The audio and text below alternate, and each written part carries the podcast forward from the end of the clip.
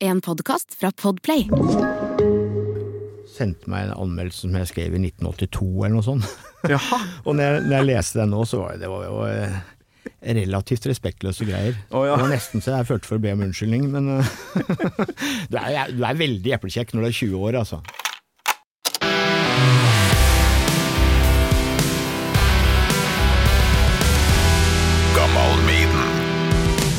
Skal vi se, hvem var det jeg hørte på? Jeg hørte på den Alice Cooper-greia, og så hørte jeg Ja. på Han byr jo på. Mm. Det er, jeg har intervjua han et par ganger. Og Ja. det, jeg husker han ringte ja, Det er akkurat samme, du blir oppringt av han. Han ringte hjem til meg. Eh, Det må ha vært 90-tallet eller noe sånt, Ja. kan jeg tenke meg. Og da hadde jeg, hadde jeg en kompis som var veldig Alice-fan Ja, ok. som jeg hadde på mobilen, ja. Og så ringte fasttelefonen, og da visste jeg jo at det var en avtale med Alice Cooper. Så, og da hadde jeg gleden av å kunne si at jeg, jeg må legge på noe, for Alice Cooper ringer. Han fortalte eh, hva som var utgangspunktet for at de begynte bandet Alice Cooper. da. Ja. Og det var at som han sa, at de så at foreldrene ble skremt, skremt av Rolling Stones. Ok. Altså de var, de var oppfattet som truende. Så de bestemte seg for å starte et band som skulle skremme Rolling Stones.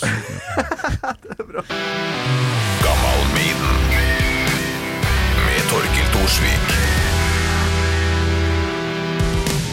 Asbjørn Bakke, hjertelig velkommen til Gammal Maiden. Tusen takk. Det Ja, hvordan har du det, først og fremst? Jeg har det helt fint. Ja, Veldig hyggelig å komme hit. ja på veldig kort varsel, og sjøl om du du nevnte at det var noe sykdomsgreier som, eh, som murrer litt, og du må Ja, på sykehuset og sånt? Ja, det er litt på slutten av det. Men det går akkurat som det skal, og det går bra. Ja Ja. visst. Mm. Klar for å snakke litt om eh, ja, ting og, ting og tang. Oppvekst, musikk. Ja, Hvordan livet har rota seg til på musikkfronten. Ja.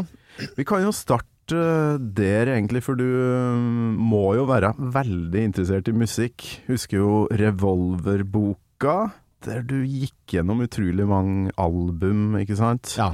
Det var litt sånn eh, Da hadde jeg hørt på musikk i 35 år eller noe sånt, Ja. plater, og så tenkte jeg at nei, kanskje jeg skal bare skrive meg gjennom det. Det var jo litt mer krevende enn jeg hadde tenkt, da. Du kan, ikke, du kan liksom ikke basere omtalen av ei plate på hukommelsen, så jeg måtte jo høre på samtlige. Og dermed så tok det jo litt tid. ja, fy flate. Var det liksom første bokprosjektet ditt? Ja, det var det. Ja. Det var det.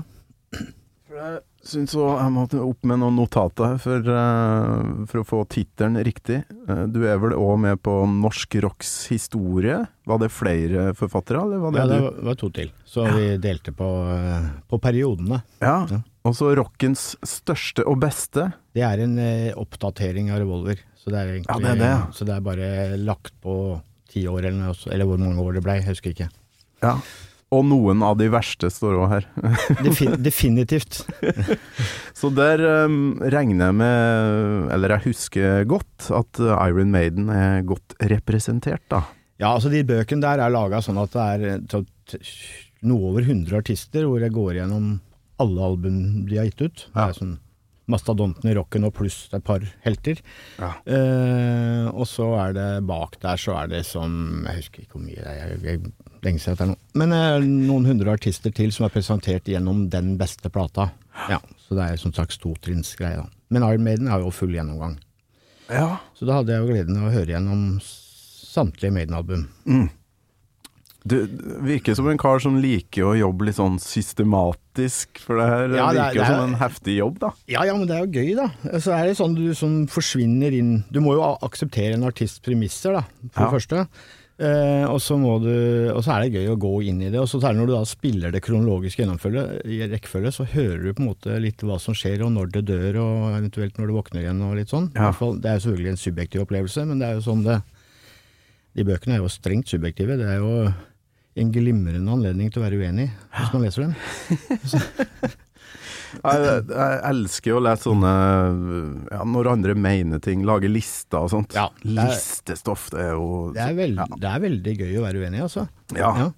Sånn, eh, jeg har jo noen bonusepisoder som heter Topp tre, som veldig mange hører på. Det, det er jo bare for å høre Ja, hva syns han er den beste plata, eller eh, ja, beste Ja, så er det, jo- det er jo også en måte å Altså disse listene og sånn, det er jo først er jo en måte å oppdage ny musikk på. Hvis du er så heldig at noen har noe der som de mener er noe av det beste som har kommet ut, så er det gøy å sjekke ut hva det er, hvis du ikke har fått det med deg. Mm. Og så er det selvfølgelig en Det er jo en utgangspunkt for en slags kulturdiskusjon, da. Hvor, hvorfor er den plata så viktig, eller så bra? Mm. Hva, Ja, var, var, var, var det den fanger av tiden, liksom? Ja, jeg elsker å lese sånt. Og før sommeren her så har jo en kar som er innom hver uke med ukas kassett i programmet mitt, Espen, Espen Slappgård, som eh, daska ei bok på pulten min. Den her skal du lese i sommer, eh, Torkil. Og så var det Asbjørn Bakke, Erik Bye-boka di, som jeg kosa meg med på Frankrike-tur, og um,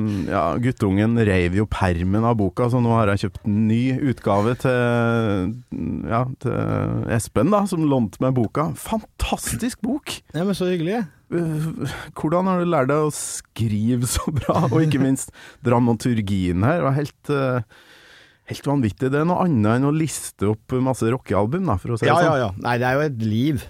Ja. Eh, og Erik Byes liv var jo fryktelig intenst. Han levde jo på begge sider av døgnet hele tida. Helt vilt. Jeg, ja, det er helt vilt. Da jeg begynte, så tenkte jeg at det kommer sånn fem-ti år som ikke er så viktige, som du kan ta litt walkover på, men de, de kommer aldri. Det er alltid tre-fire prosjekter samtidig.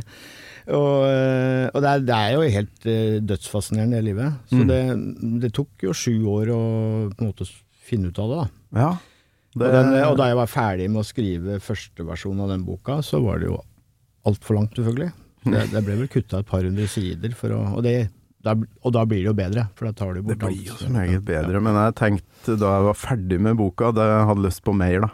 For det livet der, um, som du Vet ikke om det er det sitat. Du kan ikke bære Norge på ryggen uten å knekke sammen innimellom. Er det du som har sagt det, eller? Ja, det tror jeg var en, Ja. eller annen formulering i boka. For det gjør han jo virkelig, og han, eh, det er artig å lese det som eh, trebarnsfar anno 2022, og, og lese hvor mye tid han kunne bruke på karrieren sin, til tross for alt han egentlig hadde på hjemmebane der. Ja, ja, ja. Nei, men det, er, det er også litt en annen tid. Hvor, Ja. eh, hvor, du, han hadde jo en soldat på hjemmebane, kona si, som, som jo selvfølgelig var utrolig viktig for at Mm. dette skulle kunne gå an.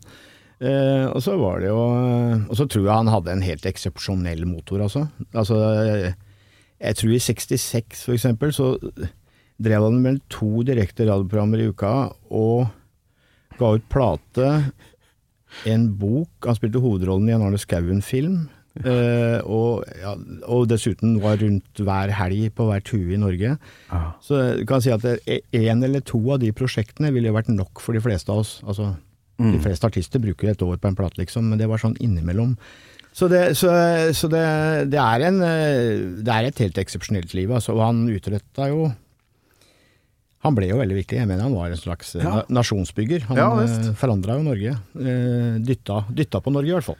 Det er mye der som jeg ikke visste om Erik Bye, hvor mye han har ja, betydd for innovasjon i Norge og sjøfart, og ja, bygd opp utrolig mye sånne infrastruktur og ja, hva- Ja, altså, han, for, han var jo på en måte Distriktenes utbyggingsfond før det ble, Ja. funnet, ble funnet opp. Ja. Men, men han altså var han jo eh, forfatter, diktpoet, Mm. artist, journalist.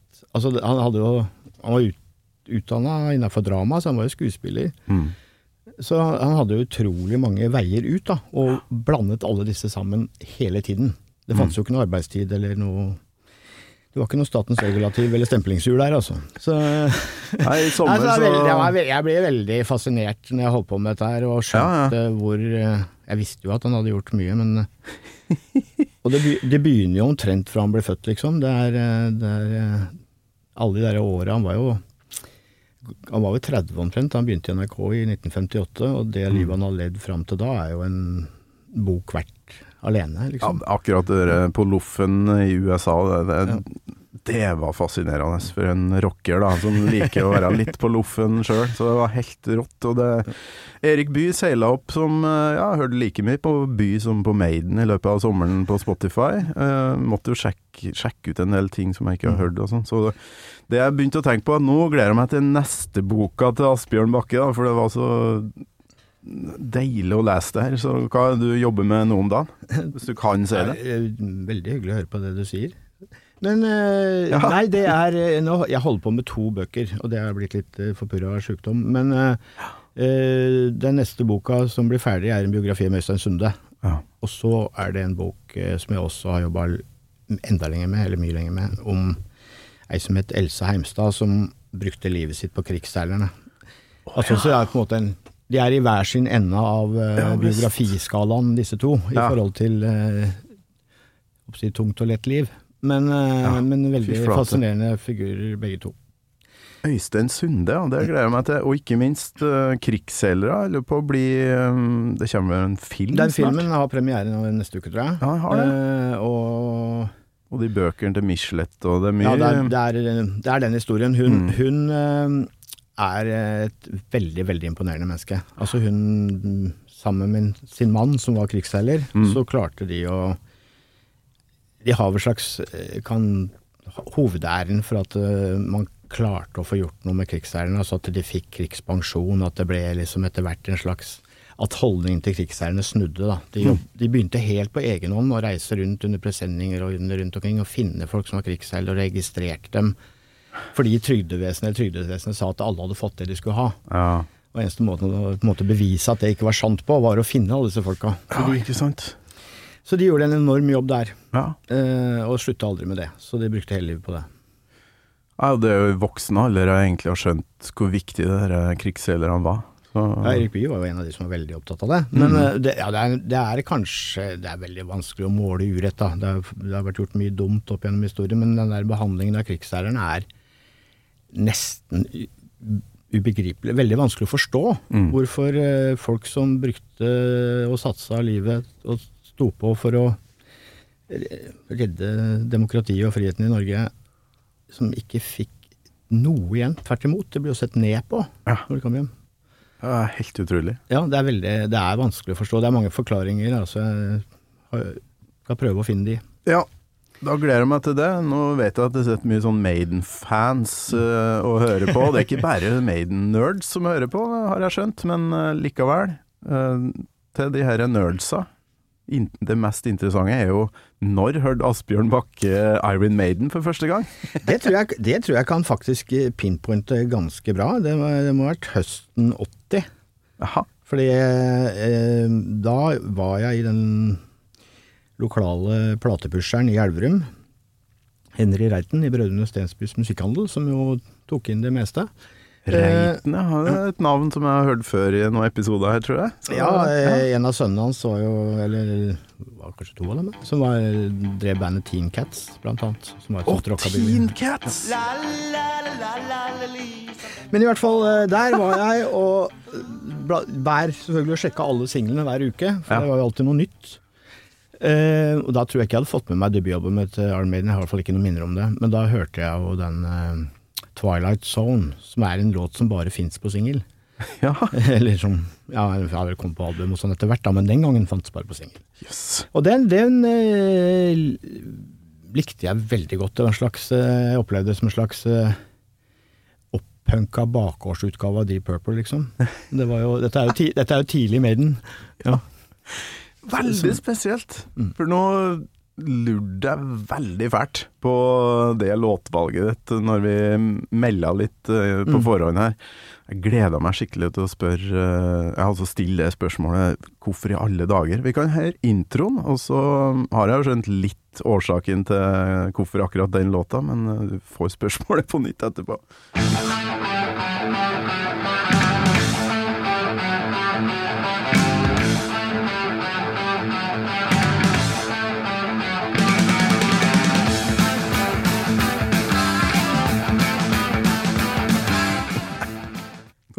Nå skjønte jeg bakgårds Deep Purple, bakgårdskatt Deep Purple. Hvorfor akkurat eh, Twilight Zone da, Asbjørn? Nei, den, den bare traff meg, liksom. Eh, Jeg var vel egentlig da eh, på, på måte på vei ut av metallsjangeren, for jeg hadde jo Jeg hørte jo veldig mye på de 70-talls eh, black Altså ur, urbanda. Urmetallet? Ja. ja. Særlig Black Sabbath, men også mye Deep Purple og Men du følte deg litt ferdig med det, liksom?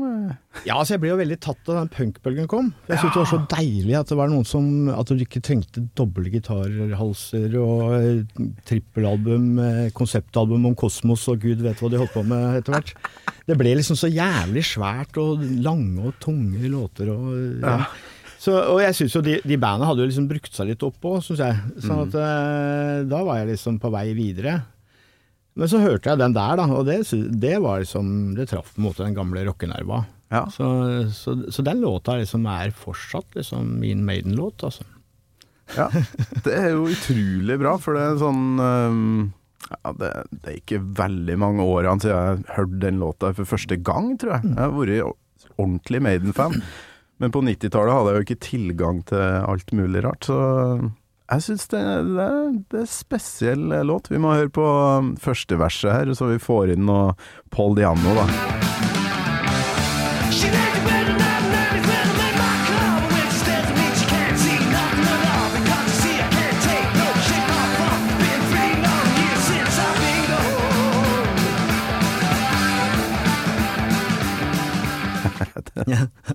Han er jo ganske lik Ian Gillen i måten å Ja. gå, lø gå løs på. Ja visst. Jeg har eh, tenkt så mye på, egentlig. Ian Gillen og Paul Diano. Nei, jeg, egentlig, nei, jeg gjør kanskje mest den låta der. Jeg Ja, ja, ja. Men jeg, det er, jeg tror nok han eh, hadde de platene hjemme, ja. Det hadde han helt sikkert. jeg, jeg liker stemmen hans helt altså På de to første albumene så syns jeg det Ja, altså Jeg liker jo egentlig stemmen hans bedre. Eh, Ja. Selv om den er mer begrensa, så er den eh, Det er ikke fullt så mye balla i klem, eh, liksom. Som jeg kan bli litt sliten av. Så, så, så eh, Balla i klem, ja. Men det blir mye høye toner. Og så var det Altså, da de begynte, så var det liksom De var, de var ikke ferdig forma, ikke sant. Nei, nei, Det, De, det var jævla mye guts og vilje. Eh, og det hører du. Det er Det er jo veldig mange band som er sånne barndomskompiser. Gjerne en tre-fire stykker, så, så holder de i lag i 50 år og spiller. Mens Maiden, det, var, tok det utrolig mye utskiftninger og testing og styr i starten her. Ja, det er sånn to typer band, egentlig. Det er sånn U2, som bare er de samme 40-50 år, og så er det andre band som har en sånn evig renn av folk forbi. på, på evig jakt etter det, som, det fullkomne. Jeg vet ikke hva det er. Eller uvennskap. Ja, det er kanskje et stort ego, da, som uh, kanskje krasjer med et annet et, og Ja. så må en av dem ut, og så, ja, så Det er-. Steve Harris er nok en, eh, en slags puslespill eh, ja, som prøver å få på plass brikkene sine her, da. Men hvor gammel er du da, når du står i den herre Da, da var jeg I 1980 var jeg 19. Du var 19, ja? Ja. Dæsken.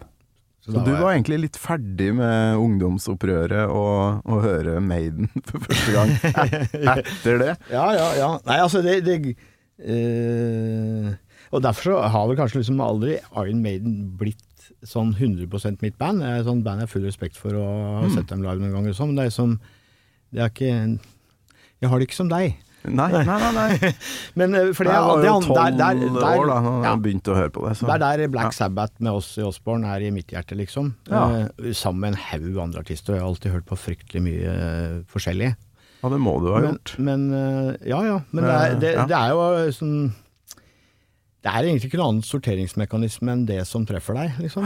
Eh, Så det kan godt være at det Det var mange av de der eh, New Wave og eh, British heavy metal. Yes, Ja. yes, yes, yes. Det, var veldig, det er veldig mange ord. Der er det jo veldig Ja. mye forskjellig, da. Ja, og det er mange av de banda som jeg egentlig aldri interesserte meg for. eh, som jeg bare syns liksom Jeg syns kanskje de, mange av dem mangla framdriften og tyngden. Da. Ja, Eh, Maiden hadde det. Eh, ak samme her. altså Sånn type typ Saxon, som ofte blir nevnt i samme ordelag. Ja, det, de sånn, bare- får det ikke til. nei, det har bare kjeda meg. Men det er, Ja. eh, men, uh, det er jo sånn ar- arbeiderklasse-rockeband som mange liker for uh, jeg, Ja. jeg vet ikke hva det er. Men, men ja, det, de, det er jo bare fint at noen gjør det. Det, det treffer ikke meg. Nei, Så- men det er jo sånn med noen, eh, noen greier. Men da er det altså Sabbat, da, som ble din eh, det store Ja, det var rundt den tida der. Mm. Det var, eh, Det begynte egentlig med at søstera mi kjøpte en Creedence-LP i 1970. Som jeg, som jeg bare Creedence, ja. Cosmos Factory, som jeg fortsatt holder som et av de mest fullkomne albumene. Ja. Det var den første LP-en jeg hørte i mitt liv, tror jeg. Eh, og, så, og da var jeg jo ja, ni år. Eh, og så kom liksom Slade og T-rex og Susi Quatro, ikke minst. ikke sant? Ja, akkurat ja. sånn på starten av puberteten. Og Black Sabbath og så litt Bowie, og så ble det den lapskausen. Backman Turner, og Overdrive og eh, CC Topp kom vel, ja. i 75, husker jeg. Og inn i huet mitt. Og Thing Lizzie kom også samme år. Og det er et, Ja, også et sånt band som, jeg, som var, som flytta inn i hjertet mitt. Eh, Så, Så- du er så- kanskje så- litt for gammel igjen for den herre Kiss-bølga, da? For det er Ja, men, som er ja, nei, Kiss var jo der, men de fasciner... De hørtes litt for enkle ut, eller var et eller annet. Det var noen låter jeg likte veldig godt, Ja, altså, ja, men jeg ble liksom ikke veldig fascinert av dem, altså. Så de, de eh, Godt det, å På den gangen, på den gangen, den gangen så var det sånn Jeg hadde jo bare en sånn liten Bambino-platespiller på rommet som jeg spilte singler på, Ja. eh, med sånn høyttaler i lokket, og det var sjanseløst. Vi hadde jo ikke stereoanlegg hjemme hos oss. Sånn at, Mono, ja, mono, ja. mono, ja. Og så var det der evige jakten, og så ta opp låter på kassett. Så du satt og hørte på radio og starta, trykte de to fingrene for å starte opptaket, og så måtte du bestemme deg i løpet av veldig kort tid Ja. om du likte låta eller ikke. For hvis du ikke likte låta, så måtte du jo spole tilbake og gjøre klart til neste opptak. ja. Og det verste var jo å få sånne daufisker innimellom, når du hadde en Seniti-kassett, og så kommer det en sånn låt som du angrer på at du tok opp midt inni der. Ja, du Ja. angra, ja. Stemmer. Og det ødela jo hele kassettopplevelsen, så det gjaldt å være streng, da. Så da drev jeg sånn minuttsortering. Ja, hvis du begynte med, det begynte med, begynte med trommer og bass og gitar, Ja. så skulle det jævla mye til at det ikke ble med, ja. Jeg hadde sånn med ti i skuddet med Vidar Lønn Arnesen. Og fikk den derre evinnelige hylinga og skrikinga, Ja. jublinga foran og bak låta. Og sånn, «Æ, Ja, Få og, vekk det der studio. ja, og programleder som snakket oppå låtene og sånn, det var veldig litt populært. Ja. Men vi drev, vi drev jo, vi var sånn gjeng som drev og tok opp og fra P3 i Sverige, og så, og så bytta vi kassetter og tok opp hverandre, og så fikk samla opp Mm. Så det tok vel en sånn par måneder å fylle en C90 da, med skatter, og så begynte du på ny. Ja, sånn, men det skal si at den gangen så Jeg tror det å være tenåring da, det var jo en evig jakt etter å få tak i musikk. Mm. For det, ikke sant? Det kosta jo altfor mye til at du kunne kjøpe det, og så var det jo bare disse NRK spilte jo ikke mye rock. Uh, mens nå tenker jeg nå er det egentlig hele jobben å sortere, for det er jo bare så sinnssykt mye Mm. å velge i at du drukner jo. Så det er helt omvendt problemstilling. Ja, og så må man passe seg for å snakke for mye om det her til ungene sine, for da høres jeg ut som min egen far, som òg drev og belærte oss om hva de ikke hadde da de var små, og det er jo akkurat sånn jeg har blitt, da. Ja, nei, det er jo en evig eh, Du aner ikke! Det er jo en evig felle å gå i. Så Ja, det, er, eh, det der å, å mene at eh, særlig ungdom og ungdom, eller unger som kommer inn i musikken første gang, og som mener at det de hører er feil, det er fullstendig bortkasta. Eh, ikke bare bortkasta, men det er fullstendig feil. Eh, så det er klart når du er ti år og har på en måte en slags formatert musikkhjerne, så er jo det aller meste kult. Mm. Og den opplevelsen skal du ha lov til å ha, altså. Ja, jeg prøver å tenke det òg, når guttungen setter på Det kan være tungt å være foreldre, men det skal det være. Lill Baby, eller hva heter det. Ja, jeg satt med og så en dokumentar om Lill Baby her om dagen i lag med sønnen min, og det var, var fint. Jeg er jo interessert i musikk, så det var sånn digg å, ha, å Ja, gjøre, ja. gjøre noe musikkgreier i lag med ungen sin. Ja, ja du, kan jo, du, kan jo, du kan jo oppdage at de er rett òg, ikke sant? Ja, ja, ja. Jeg husker jeg var med Fantastiske de to, to eldste barna mine i London, og de insisterte på å se Bruno Mars. Og så fikk jeg tak i noen billetter og gikk på det, og tenkte ja, ja, ja, jeg får jo bli med, da. Ja. Og så, så ble jeg jo veldig overraska og imponert over det bandet og hvor- den leveringa. Ja. Så eh, da skjønte jeg at dette er jo en, det er jo en ordentlig artist. Ikke sant? Som eh, regel en grunn til at de har oppdaga det. Er Bruno Mars er ikke det verste. Nei, nei, nei, nei. Ja, det er han leverer i vårene. Men nå skal vi tilbake til Elverum, da. Du står der eh, sikkert med et headset, da. Eh, I Nei, butikken, eller? Ja, i butikken, ja. Det Ja. var, sånn, det var sånn eh, Det var ikke headset, det var to separate høyttalere som du løfta opp og klemte inn på hver side. ja, de der, ja. Sånn, sånn der, som sto i sånn hull i Ja. disken, så du måtte ta tak i dem, og så løpe opp. Og så kunne du styre volumet på en sånn der Bang Olufsen eh, skyvespak. Og det var, eh, der eh, hørte jeg gjennom ukas innkommende nye singler hver Ja. uke. Ja. Og da fikk du høre eh, litt Maiden, da. Vi må ha litt eh, Det er vel en, eh, et slags bruparti vi har eh, kløpt ut her.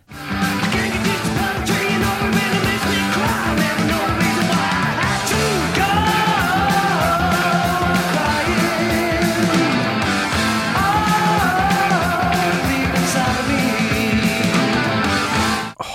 Det her er Her hører jeg så mye Thin Lizzie og mye, mye greier som jeg Det- tror Steve Harris og co. har hørt på. Ja, ja det, jo, det minner meg litt om Speed King på en måte òg, ikke sant? Sånn, sånn ba, ba, ba, Den er ja. Og, eh, altså med Deep Purple. Og, ja, Thin Lizzie er jo helt åpenbar eh, inspirasjonskilde med de doble parallellgitarene Ja. i Iron Maiden, som vel kanskje Lizzie tok fra Wishbone Ash, for alt jeg vet, for de hadde jo Ja. det allerede i 72. Så det, det, det er jo en Altså, rock er jo en stafettpinne, eh, og så må, Ja, ja. så må man legge til seg sjøl. Ja. Ja.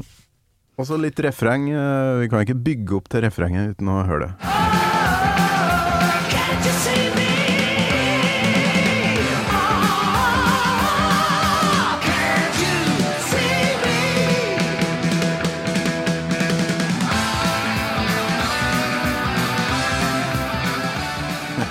Ja, Der er du veldig Lizzy. Apropos Men faen, den der, her er jo første antydning til litt operatisk, eh, bortimot falsettsynging. Mm. Vet ikke ja. om det er Paul Diano som synger den gang, for det, det her gikk jo veldig lyst.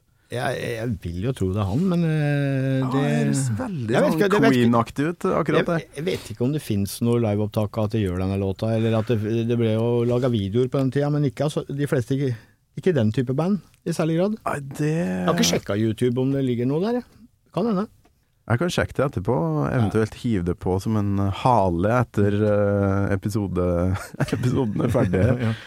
Men eh, ja, neste klipp her jeg faktisk kalt eh, Motor-Lizzie, så her må det være noe Motorhead eh, inn i bildet òg. Jeg vet ikke hvorfor. Ja, det var jo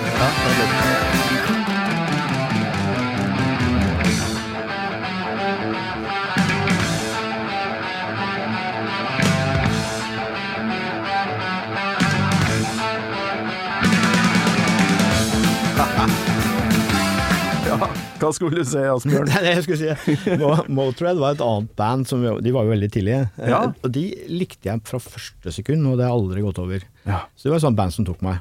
Eh, Men de er jo på en måte De er jo veldig seg selv. Ja. Altså, de er sånn Det, det tar, det tar Skjedde ikke så mye der, eh, sånn Altså, de utvikla jo ikke Nei, de- kjempemye. Nei, sto stanga i samme veggen, men uh, det er få som eh, Særlig live syns jeg det var en utrolig herlig. Ah, en slags eh, dusj. Kompromissløs, barnslig, deilig rock'n'roll fra, fra helvete. Så, så det, nei, jeg har hatt veldig mange morsomme opplevelser. De spilte nesten hvert år på Rockefeller en del år. Og det var alltid Ah, ja. Du kom alltid ut eh, Når var det? da? Sånn 80-tallet, 90-tallet. Altså, Rockefeller åpna vel 86, så det må ha vært rundt eh, slutten av 80-tallet og Ja. begynnelsen av 90-tallet, tror jeg. En årlig tur innom Rockefeller. Ja, sånn jeg husker det. Det kan ha vært annethvert, det er for alt jeg vet. Men det var i hvert fall en del, en del konserter der. Mm. Og det var jo et format som kledde dem veldig godt. De fylte, de fylte det rommet med lyd, for å si det sånn. Så det var tidlig band for din del? Altså, Nei, ja, det var de, de, Når var det første Jeg tror de dukka vel opp i sånn 76-77, Ja. kan jeg tenke meg. Som eh, bare Hvis du var heldig nok til å finne, finne Motorhead allerede da, da. Ja, men, det var ja, men det var fordi at eh, jeg, eh, fordi jeg var så opptatt av alt det nye da. så hørte jeg jo på alle nye artister som jeg ikke hadde hørt om. Eh, og spesielt eh, Stiff Records, som var plateselskapet til Elvis Costello og diverse andre. Mm. Eh, de var jævla spennende. De hadde hele tida singler med nye artister. Mm. Og en av de var jo Motorhead. Eh, den singelen til Motorhead kom riktignok aldri ut, så den mangler i rekka fordi det var noen kontraktproblemer og sånn, men de dukka opp på samleplatene til Stiff. Mm. Så der hørte jeg dem. Det må ha vært, ja. Det må ha vært 77, ja. Ja, ja, ja. Nå står du altså og holder de herre høyttalerne. Mm. Uh, jeg vet ikke om det var for at vi skulle ha det litt ubehagelig og, mens vi hørte på musikk, og ikke stå der for lenge. Jeg- Jeg, tror så mange jeg, Min teori på det der er at som veldig mange andre ting, så er det noen designere som har funnet ut at det ser kult ut. Ja, kanskje det. Og de er veldig ofte ikke, mange av dem er ikke veldig opptatt av det praktiske siden. Så, så at det, det, det var et sånt Bang Olufsen Det så veldig Det så veldig nytt og moderne ut, da. Ah, ok. ja. Men uh, tok du med deg albumet hjem? Kjøpte du det? Nei, Nei, det var singelen. Ja, singelen ble med. Ja. Den har jeg fortsatt. Ja. Den er på eh, blank vinyl, fant jeg ut her nå, når jeg så, så på den. Så den står Jeg har jo eh, stort sett båret plater inn, veldig få ut. Ja. Så, så det, Så du, du har en grei samling, med andre ord? da? det er mange kilo. Ja. Ja.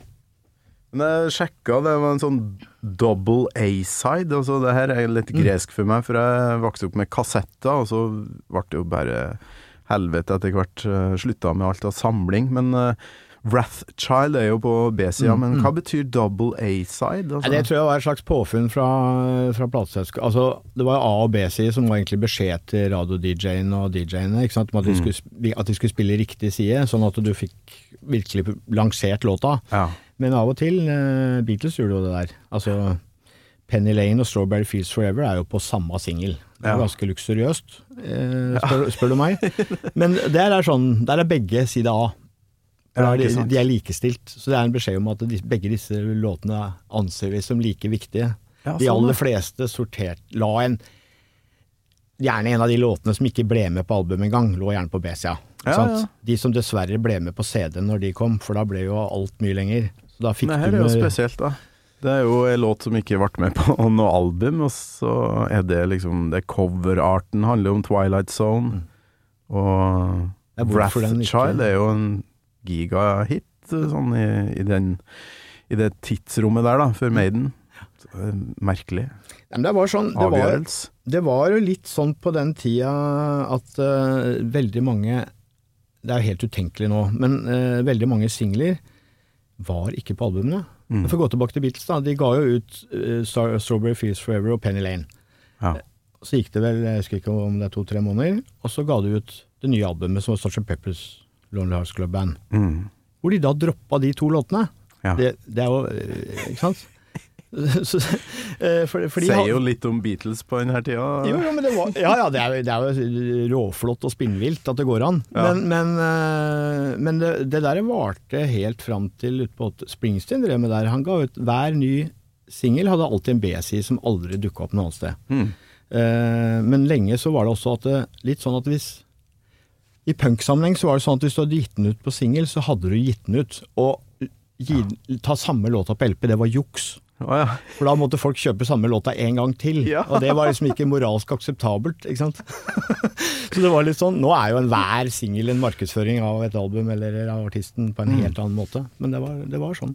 Ah. Så derfor kan Maiden kom jo litt fra den tida, den, så det går godt hende de tenkte at nei, den er gitt ut, så da går vi videre. B-sida tror jeg ikke er veldig viktig for Maiden. Nei, nei, men jeg, jeg, jeg, jeg, syns jo det er veldig morsom eh, tradisjon, ja. Det der at, eh, at B-sidene, der kan du legge noe litt rart eller noe helt off, eller en eller annen coverlåt som ingen trodde du ville finne på å gjøre, eller et eller annet. Ja. Sånn blir, der ligger det et eller annet sånn eh, for, for de som gidder å kjøpe den singelen, så, så er det noe rusk som er morsomt. Nå, Ja, det verste var at uh, da jeg kjøpte uh, Be Quick or Be Dead, da, som var singelen før Fear of the Dark, da var jo jeg sånn ah, Maiden, Maiden, Maiden, Maiden. Alt handla om Maiden. Og så kjøpte jeg den. Sett på B-sida, og så tror jeg de bare spiller en slags tolvtakters blues. Ganske kjedelige greier. Men, men det var Maiden, så da måtte jeg jo høre på det. Og så jeg satt jo og syntes det var dritbra fordi det var Maiden. Hadde det vært et hvilket som helst annet band, så hadde jeg hata det. For blues på den tida der, det var noe av det kjedeligste jeg visste. Tolvtakters. det gikk sakte, ja. Det, Ja. det, det, det, det, det, det. Altså når det Nei, det takla jeg ikke, altså. Nei, men det, men det, det som, er, eh, som jeg syns er kanskje den tristeste, i hvert fall formatmessige utviklinga i rocken, det er jo, er jo når CD-en kom. Mm. Og særlig etter en sånn fem-ti år hvor alle artister oppdaget at å, her er det plass til utrolig mye. Så Ja. fikk du sånn 70-minuttersplater og 60-minuttersplater og sånn. Du ser det jo nå, når de gamle CD-ene gis ut på vinyl, så er det dobbeltalbum alt sammen. Ja, stemmer. Og det er fordi, og da ble plutselig Da måtte de ikke liksom økonomisere og kutte ned, så da ble plutselig låt, alle låtene var to minutter lenger. Som regel to minutter for mye, for meg i hvert fall. Og så i tillegg så kom alle de låtene som da havna på B-sider og sånt før, for det ikke var plass på albumet, de ble med likevel. Så jeg syns jo veldig mange album ble Altså, albumformatet ble kjedeligere med CD, altså. Det, sorry, det, det ble for mye der. Fullstendig tilbake i vinylfella, ja, altså. Så jeg syns jeg, hvis jeg kjøper nye plater på vinyl eh, Det der å sprette vinylen og legge den på og se på på cover og sånn, er en, det er en helt annen opplevelse enn det der som flagrer forbi på Spotify i øret, liksom. Du, jeg, jeg kommer mye nærmere hele opplevelsen. Sånn at uh, for meg så er det Hjemme spiller jeg bare vinyl. Ja. Hvor mye penger bruker du på det, tror du? Eller har brukt på det? Altfor mye. Helt meningsløst mye. jeg, jeg var innom Big Dipper oppe i Møllergata på vei hit, og det var med Å, du har med posen der, da? Ja ja, det er, jo, det er jo fort gjort å gå i fella. eh. Kan du ikke ta opp posen, så får vi høre på posen? Å ja. Hva, det var for noe? Ja, må jo nesten Nei, ja, unnskyld.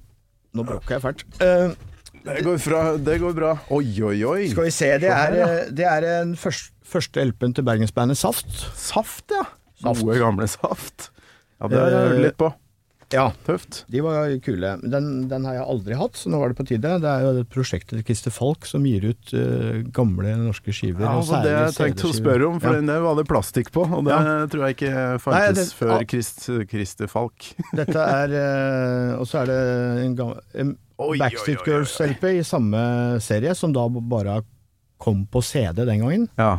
Coming tenkte- Down Hard. Tenkte det skulle være artig å høre igjen. Den er fra 1990. Best, ja. Det, det kan for alt Det jeg er jo noe spesielt med størrelsen på coveret òg, ikke sant? Det er jo viktig for Følger Maiden, du da. til og med en egen singel med fire låter. Eller Jaha. EP. Inne, ja. Er det på Og så er det en skive som jeg ikke vet så mye om, men hvor eh, Elvis Costello og Iggy Pop og diverse eh, spiller franske låter. Ja. Og så er det Sturgill Simpson, som er en av de nye countryartistene. Som er litt røff i typa. Som eh, Det var det det ble nå. ja. Og det blir jo noen kroner, da, når en først eh, setter foten inn der. Det er, det er, ja, det er ikke det, det bare snakker vi ikke om. Men hva blir altså nå um, Ja, du hører denne låta, kjøper jeg singelen. Hva blir neste gangen Maiden krysser din, eh, dine spor? Nei, det er jo på fester og sånn opp igjennom, og jeg har jo de eh, første Maiden-LP-ene. Jeg var jo musikkanmelder i veldig, veldig mange år, så var jo stund eh, måte Alt av musikk kom jo inn på kontoret. Når begynte du med det, egentlig? Det begynte jeg med i 81.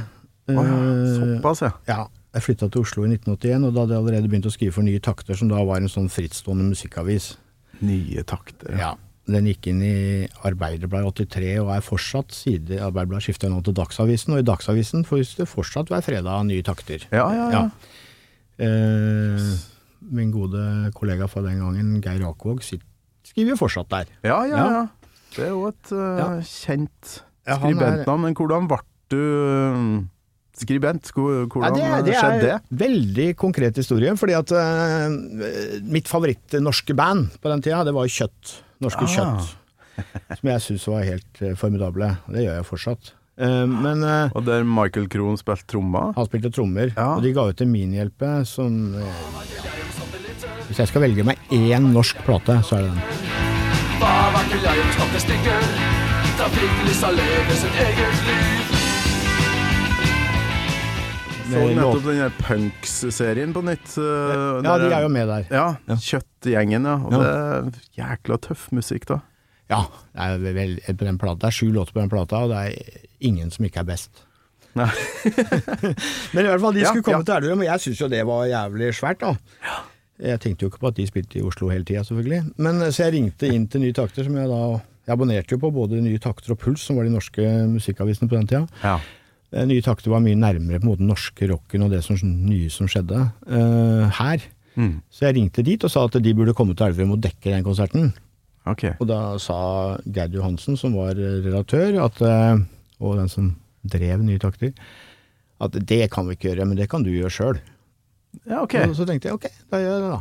Så, eh, så da fikk jeg en anmeldelse av den konserten på trykk, og så ble det mer. Og så, ja, Etter hvert så vet Så flytta du til Oslo etter hvert, da?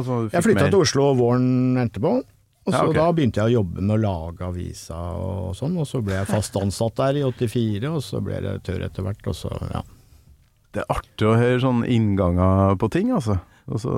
Hvordan får folk den og den jobben? Det er jo som regel en sånn De skjønner at her er det en fyr som er jævlig interessert i det her. Han øh, Jeg spør om han kan skrive øh, Det var, litt. Ja. det var jo sånn, altså for, for meg så var musikk liksom eh, Musikk og kjærester tror jeg var de to tinga som dreiv meg i livet. Mm. Alt annet var det som måtte til for at jeg skulle få tak i musikk. Og, altså, det var liksom eh, helt, fra var, helt fra jeg var liten så husker jeg det derre Jeg har en eldre søster, og hun tok opp på spolbånd som Beatles-låter og sånn. Jeg husker jo de på, altså, fra slutten av 60-tallet, da jeg var sånn sju-åtte år. Mm. Altså det å sitte og høre på Beatles, jeg synes det var helt eh, det, var sånn, det, det skjedde noe inni hodet mitt som, Ja. som jeg eh, Og så husker jeg satt og leste tegneserier til, så en del av de låtene er fortsatt sånn at når jeg hører den låta, så tenker jeg på den tegneserien jeg leste. Altså, ah, ja. du, du får sånne rare koblinger. Ikke sant? Hva du, du lest for noe? Nei, det var mest det var sånn Vill Vest, Kaptein Mickey, David Crocket, sånne westernserier. Vill Vest, ja. Det tror jeg fatteren hadde litt av, faktisk. Det var sånn lange, smale striper. Som var, det var bare én tegneserierad de der, ja. per, per, eh, per utgivelse. Så derfor tok det, tok veldig mange uker å få lest en hel historie. Ja. Ja. Det, men det der fenomenet er jeg fascinert av Eh, lokalaviser, og kanskje faktisk òg Aftenposten, som hadde føljetong med Fantomet. Fire ruter i hver. Ja, ja, ja, ja, det gjorde det.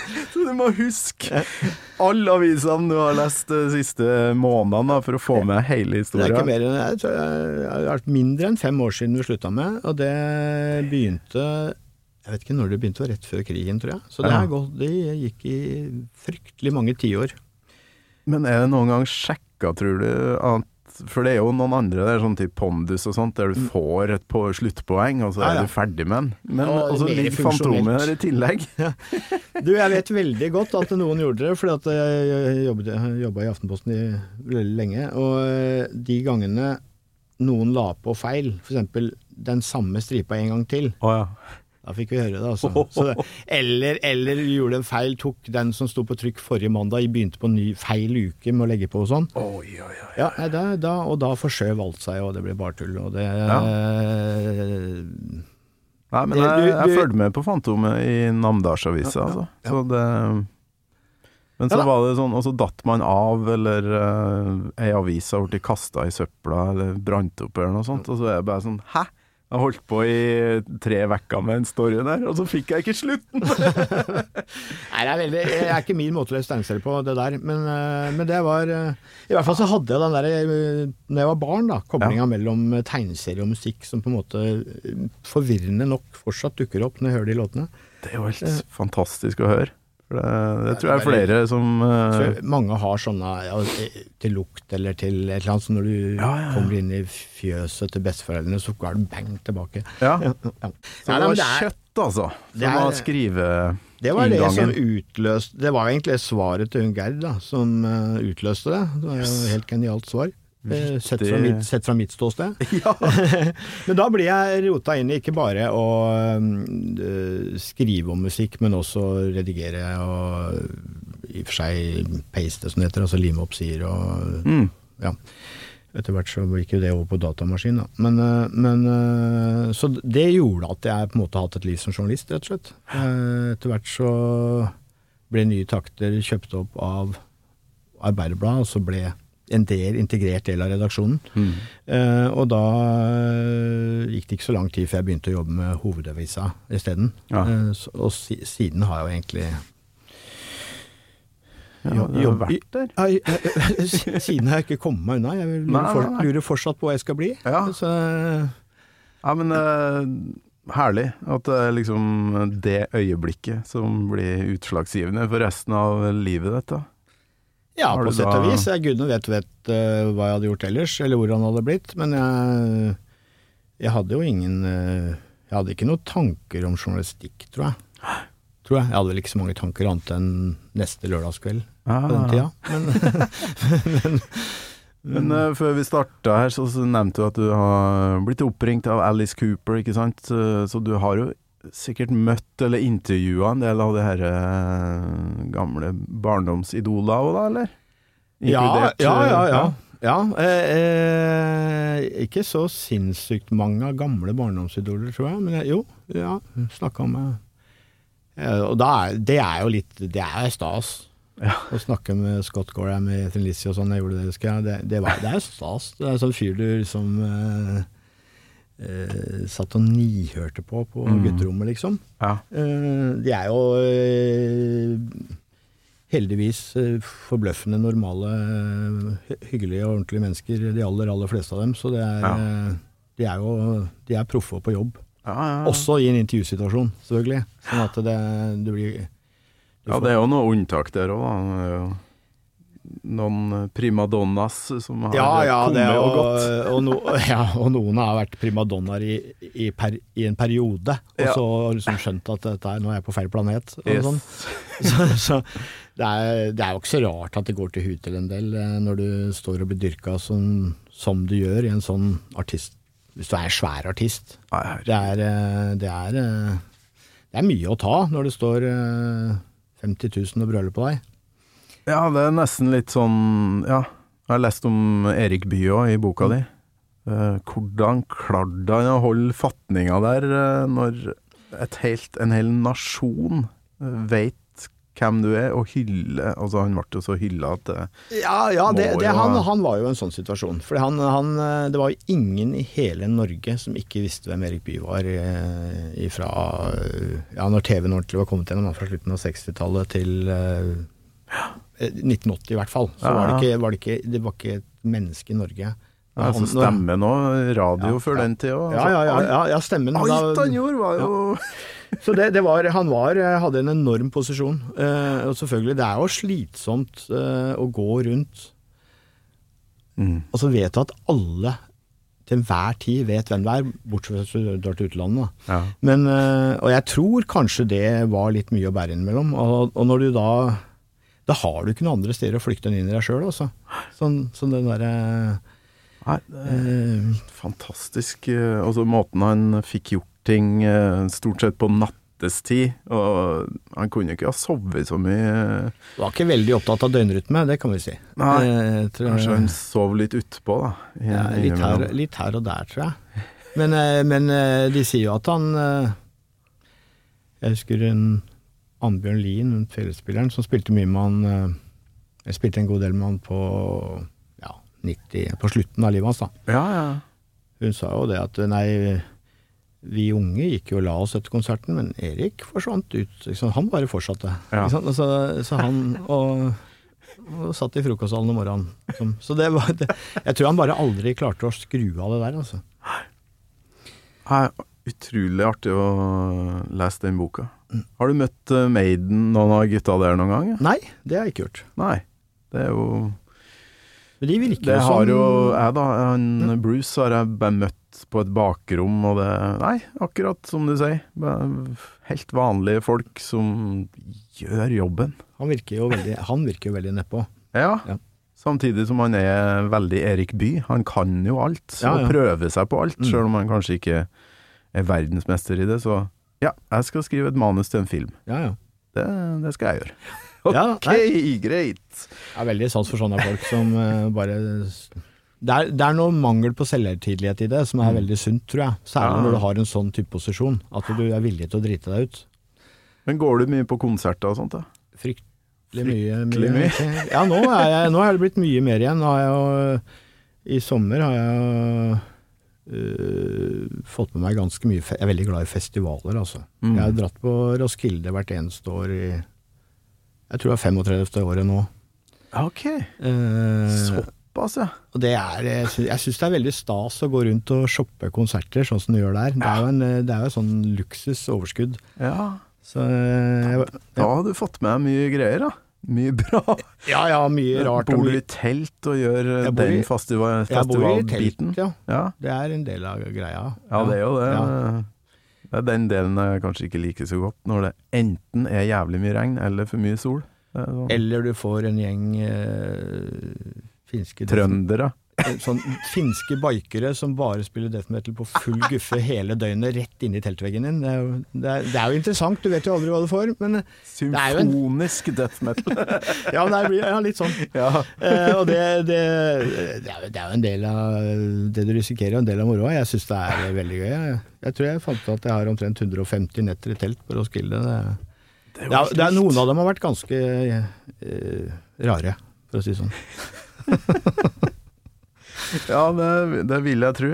Eh, nå vet ikke jeg hvor grensa de går for å, å prøve ut ting sjøl, men det, det er jo mye som skjer rundt i telta der, ja. Ja, og så er, men, nei, altså, eh, Roskilde er jo en slags eh, kamuflert treningsleir. Det er jo langt mellom scenene og, ja. og ikke minst mellom campen og sånn. Og jeg- Og i år så sjekker jeg for første gang. Eh, For nå har du sånn skritteller på telefonen. Det Ja. har gått godt over 20 000 skritt hver dag, så det går jo du går jo mye der, så når du, og du står, så er det lyst til å regne, for da kan du ikke sette deg ned noen gang. ikke sant? Så, så når du har holdt på i en 16 timer eller 18 timer eller hva det er, så sover du fryktelig godt, altså. Da Ja. kan de der eh, finske bikere bare gjøre hva de vil. Du sover. Ja, fy flate, 20 000, ja. Så du kommer hjem sånn fin og slank fra Roskilde, eller eh, blir det mye junk? Nei, det er jo bra mat på Roskilde, så du kan leve veldig sunt og fint der. Men eh, ja, nei, jeg vet ikke hvor eh, helsebringende det er totalt sett. Nei.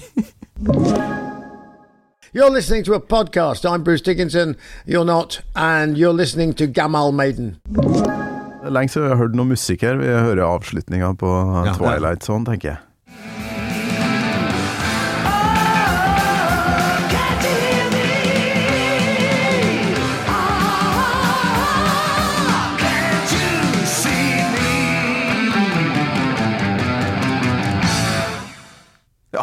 Den krasjer i mål på to minutter og et eller annet òg, tror jeg. Ja. Den er liksom eh, Den er veldig eh, effektiv.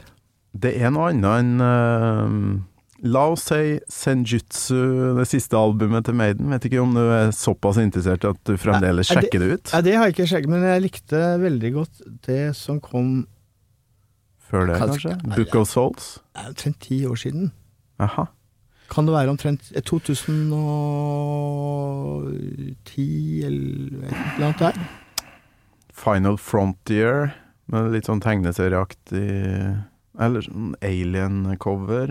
Dance of Death. Nei, høres- Matter of Life and Death, kanskje?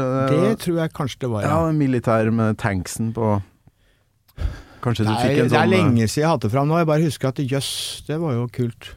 Ja. Eh, men om det var akkurat Er det noe jeg har glemt nå, tror jeg? I den uh... det er, dette er, uh, Jeg burde selvfølgelig lest meg opp på Maiden-rekka før jeg kommer hit, men det gjorde jeg ikke. Du har vel nok å holde på med sånn sett, Å og Ja lese og styre på med de to bøkene du driver Ja, det er, det er jo en litt klønete at de har kommet oppå hverandre, da. men sånn har det blitt. Skal vi se her Jeg må bare dobbeltsjekke, jeg får det ikke Uh, Matter Life and Death. Nyere. Maiden, da. Brave New World 2000. Nei, nei, det Var du på Roskilde da, eller? Og så liksom Bruce var tilbake? Jeg så det, ja. Ja. Det eh, gikk jo jeg glipp av, så klart. Uh, Dance of Death, ja. Matter of Life and Death. Jeg 2006, det, faktisk. Å ja, det er ikke ti år siden. Men jeg, må, jeg burde jo snart lære meg å doble det jeg tror, på tid. Nei, men det er ingen album jeg har glemt av, faktisk. Final Frontier 2010 og The Book of Souls 2015. Så det var Det var ganske langt mellom albumene en Det periode. blir jo eh, eh, Det er jo noe som skjer med de fleste artister, at eh, det som I starten av karrieren så spruter du ut album, og så Ja. går det lengre og lengre tid. Jeg så han Brian Ferry i Roxy Music sa i et intervju at han Det er helt ubegripelig for han nå at han klarte å skrive all den musikken på den tida. For nå bruker han jo et halvt år på en låt. Ikke sant? Han får det ikke, blir aldri ferdig, det blir aldri bra nok. Nei. Eh, men den gangen så bare ga dere ut før de hadde tenkt seg om. ikke sant?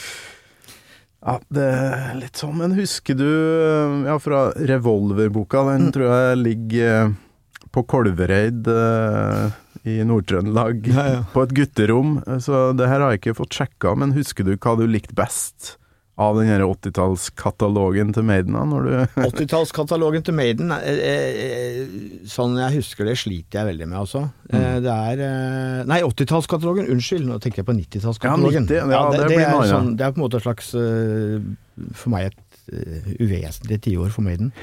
Men nei, 80-tallskatalogen, det, er jo- det er jo de sæ- Særlig debutalbumet, og så er det jo ja, Killers er, er, traff meg ikke fullt så mye. Og så er det liksom de eh, to to-tre neste albumene. Ja. Og så datt jeg egentlig Da slutta jeg å følge med. Eh, og så har jeg hatt et litt sånn ambivalent forhold til Maiden hele tida. Jeg, jeg hører jo at det låter helt kule, og de er dritflinke og alt det der, men samtidig så syns jeg noen ganger det blir liksom den en veldig nære selvparodi, da. Ikke sant? Ja, sånn, ja. Hvor det, hvor det blir liksom eh, ja, Det blir- litt sånn pompøst for meg. Ja. Altså, ja. Det er Så, så jeg, jeg, blir, jeg, blir, ikke- jeg blir ikke dratt inn, jeg blir stående på utsida. Ja, sånn, ja. Ja. Og det er aldri noe bra sted å være, altså. Det er kanskje vokalen, da. Jeg hører veldig mange som nevner vokalen Ja, som en vokalen sånn er, er en krekk, og så noe av det som blir Jeg vet ikke, kanskje den øh, eh, perioden Ja, særlig på 90-tallet syns jeg det ble mye eh, tråkking i lufta og mye Det var mye lyd, men jeg syns ikke det var så mye framdrift, da. Nei, det var jo jeg- de to altså- første der, Fair of the Dark og No Prayer, da, som var min eh, samtids... Ja, ja. De to der var jo Ja. gigantisk for meg, men i ettertid så er det jo Jo, men altså, det er jo mye sånn 80-talls jeg hører mer på, da. Det er jo sånn denne musikken er, da. Den treffer jo jævla forskjellig. Ja. det, er jo, altså, det vet jeg jo veldig godt. Jeg har sittet og anmeldt plater opp gjennom eh, opp igjennom og det er jo ikke alltid når jeg, hvis jeg finner noe gammelt å lese nå, så er jo jeg er veldig ofte jeg ikke er enig. Ikke sant? Ja. Eller, eller, eller at jeg syns jeg var i overkant eplekjekk og alt sånt noe. Det er jo en, det er jo en egentlig forferdelig posisjon å ha, fordi at folk jobber et år med en plate, og så særlig hvis du jobber i Dagsavis, så har du ett døgn til å høre på den, og så skal du skrive om den. Ja. Det er jo ikke, det er ikke fair mot de der som har eh, lagt ned livet sitt i dette her. Men, men, Og så men sånn, sånn gang- er det bare. Har du blitt konfrontert noen gang med den derre Se se hva du skrev om det her legendariske albumet den gangen, og Ja, det har jeg helt sikkert. Ja. Men uh, ikke som Mener du det samme i dag, eller? Okay. Også, ja, ja. Nei, men det er ikke som jeg kan komme på noe sånn helt konkret, at jeg er sånn driter meg helt ut. Men, men eh, jeg har jo møtt norske artister som har eh, Og hen, hen, jeg har jo hendt selv ut av fjor en gang. Jeg fikk en sånn derre messengermelding fra en eller annen som har spilt i et norsk band, som bare hadde sendt meg en anmeldelse som jeg skrev i 1982 eller noe sånt. Jaha. Og når jeg, når jeg leste den nå, så var det, det var jo eh, relativt respektløse greier. Oh, ja. Det var nesten så jeg følte for å be om unnskyldning, men eh, du, er, du er veldig eplekjekk når du er 20 år, altså. Det er, eh, det, og det er, og det er, et privilegium å være. Ja. Ja. Det kommer noen greier der ja, som eh, ikke tåler dagens lys noen år etter. Det ser ikke helt bra ut, alt. Nei. Men jeg husker jeg leste her om dagen, det var en eller annen, kanskje i VG, det, som hadde gitt Jurassic Park, første filmen, en ener. Og, og sto fast på det i dag. Ja, ja, ja. Jeg syns det var Syns det var spekulativt å sette to unger i en bil, og da en Tyrannosaurus rex eh, Mm. ja, drive og leke seg med den bilen og Spekulativt, det beste actionscenen jeg noen gang har sett. Nei, der, der tenker jeg eh, også, Det gjelder med musikk òg. Og, Ja. og film, du må akseptere ideen eller utgangspunktet. Hvis du ikke gjør det, Ja. så blir det veldig vanskelig. Mm. Da kan du jo Du kan selvfølgelig mene at enhver skrekkfilm eller uh, film som bare er lagd for å vekke sterke følelser og ikke noe annet, eh, Mm. er spekulativ eller noe sånt. Men det, jeg tenker at, eh, hvis du setter deg og ser Jurassic Park, så må du akseptere at mennesker og dinosaurer er der samtidig. Det er jo helt ko-ko idé, men det, det må du bare kjøpe. Ja, Så- særlig. Ja. Får du det. og så kan det være at du ikke blir noe imponert over det, det er en annen sak. Men, Ah. men ja. ja, og det tenker jeg med mye musikk òg. Du må liksom eh, Hvis du Altså, jeg kan jo ikke begynne å anmelde en plate med et Janitsjar-orkester. Jeg har ingen forutsetning for å gjøre det i det hele tatt. Ikke sant? Jeg vil jo ikke, det er veldig dumt å begynne å begi seg ut i musikk du ikke forstår eller kjenner eller er nok kjent med. Ja. Ja. Uh, Det der bruker jo å gå galt da, når uh, avisene sender feil folk på konsert. Ja, det har det vært. Der har du et veldig klassisk eksempel da, som jeg syns er helt fantastisk morsomt. Det er anmeldelsen av Metallica i Oslo Spektrum. En av de mange Metallica-konsertene som var i Spektrum på 90-tallet. Ok. Der er det var det da den kulturjournalisten som hadde kveldsvakt, som ble sendt ut på det. Det var det som var jobben. Og det er, Helt vilkårlig. ja, ja, ja, han hadde skrevet en del musikk og sånn, Aftenposten, eller? Aftenposten, ja. Ja. ja. Han ler veldig av det sjøl, altså. Så det ikke, Eh, men det er eh, det, den beskrivelsen hans av hvordan Metallica høres ut, hvordan ørene hans vrenger seg og detter ut og begynner å blø og eh, sånn, det er fantastisk morsomt, altså. Ja, men, Men- det er jo bra. Altså, Ja, ja. Kan være moro, Men da. han mener han, men, men det sto jo at, det sto jo også at det ikke kunne spille og alt sånt. Altså det, Ja, okay. faglig sett bare Ja. fullstendig på jordet. Men, men, men det er en utrolig morsom anmeldelse av hvor, hvordan det oppleves for et menneske som ikke har noe forhold til musikken i det hele tatt, å få dette midt i trynet. Ja. Men det er jo en, det er en veldig dårlig idé. Det er omtrent som å eh, sette en sport, fotballkommentator på TV som aldri har sett fotball før. Det, det går jo ikke bra. du må, du må ha litt, eh, jeg tror det er lurt å ha litt respekt for faget. ja. Jeg, bru, jeg skriver jo litt anmeldelser sjøl av konserter. Tar med meg den derre Jeg har så enorm respekt for eh, artister i utgangspunktet, så det blir jo ikke slakt. Men sånn, var du på Tons of Rock i år? Nei, nei. Da ble jeg sendt på Bring Me The Horizon, som jeg bare sånn Aldri helt skjønt greia, og sliter litt med sånne elektroniske ting, og sånne beats og loops og hva faen de bruker. Men så ble jeg med en eh, kollega som er gigafan, da, inn i moshpiten her. Nå skal jeg faen meg vise deg hva det bandet her er, ikke sant. Og telefonen ringer i lomma, kjerringa Det er kaos hjemme, da. Han ene måtte på legevakta, eller hva faen det var. Du må komme hit om 20 minutter. Jeg liksom og da står jeg med ei fremmed dame fra Sør-Trøndelag på skuldrene som bare er sånn 'Kan jeg få sett på skuldrene dine?' Ja, jeg kjører på. Moshpit kastes hit og dit. Men anmeldelser der eh, ble noe av det artigste jeg har skrevet, og jeg håper dem som leste den, tenkte ja ja, det det er i hvert fall jækla kult å være på den konserten, for den moshpiten, det var artig. Ja ja, Nei, men sånn kan det være. Det kan være jævla gøy å være på konserter med artister du egentlig ikke vil finne på å høre på hjemme. Ja. Ikke sant? Det er, og det er en deilig opplevelse. Det var helt rått, faktisk. Så det Jeg skjønner jo ingenting av det hvordan de kler seg, hvordan de er på scenen, de tingene de sier mellom låtene. Ah, det blir så pompøst! Mm. Men så er jeg Maiden-fan. Hvem er jeg til å stå og si at det er pompøst?! Verdens mest det- det- pompøse band. Ja, det, er, det er noe av det jeg sliter med med Maiden. er jo den, Innimellom så blir jeg så matt av den pompøsiteten. Eh, Men, men samtidig så skjønner jeg at hvis du bare, bare lar det skje så, Det var, ja. var jo lenge sånn med, med hadde jo sånt ambivalent forhold til Queen veldig lenge òg. Jeg elska dem i starten, og så ble det liksom Tenkte jeg dette her orker jeg bare ikke mer. Nei. Men eh, nå, er det, nå er det liksom kommet tilbake igjen. Ja. Jeg er ikke så glad i syntperioden deres, men eh, Nei, det er mye der som eh, Nå kan jo sitte i ettertid og cherrypicke uh, det, det vi liker best. det er veldig det er, Vi er i en luksusposisjon. Det har du gjort i dag med Twilight Zone, for det, tror jeg, det tror jeg låt veldig få har et forhold til. Men uh, takk for at du minte meg på at den eh, fantes, uh, Asbjørn. Jeg må nesten si takk det samme, for når du spurte om hvilken Maiden-låt jeg har forhold til, så bare datt den inn i hodet med en gang, og den tror jeg ikke jeg har tenkt på på noen tiår.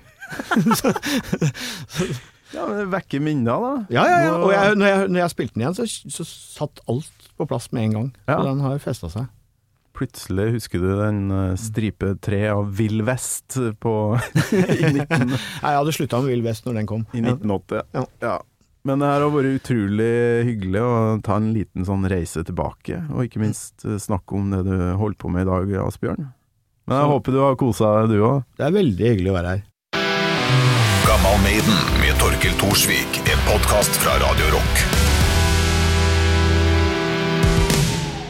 Hva var det eh, vi skulle sjekke? Det var et eller annet jeg måtte sjekke om fantes Jo, live Liveklipp av Twil Twilight Zone, om det finnes noe Nei, på om det YouTube, eller? fins at det, om det er for video ble ikke laga. Det er helt ufattelig hva som fins.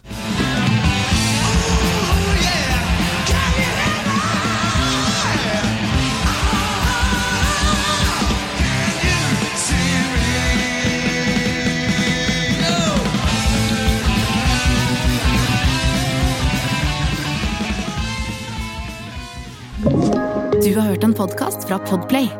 En enklere måte å høre podkast på.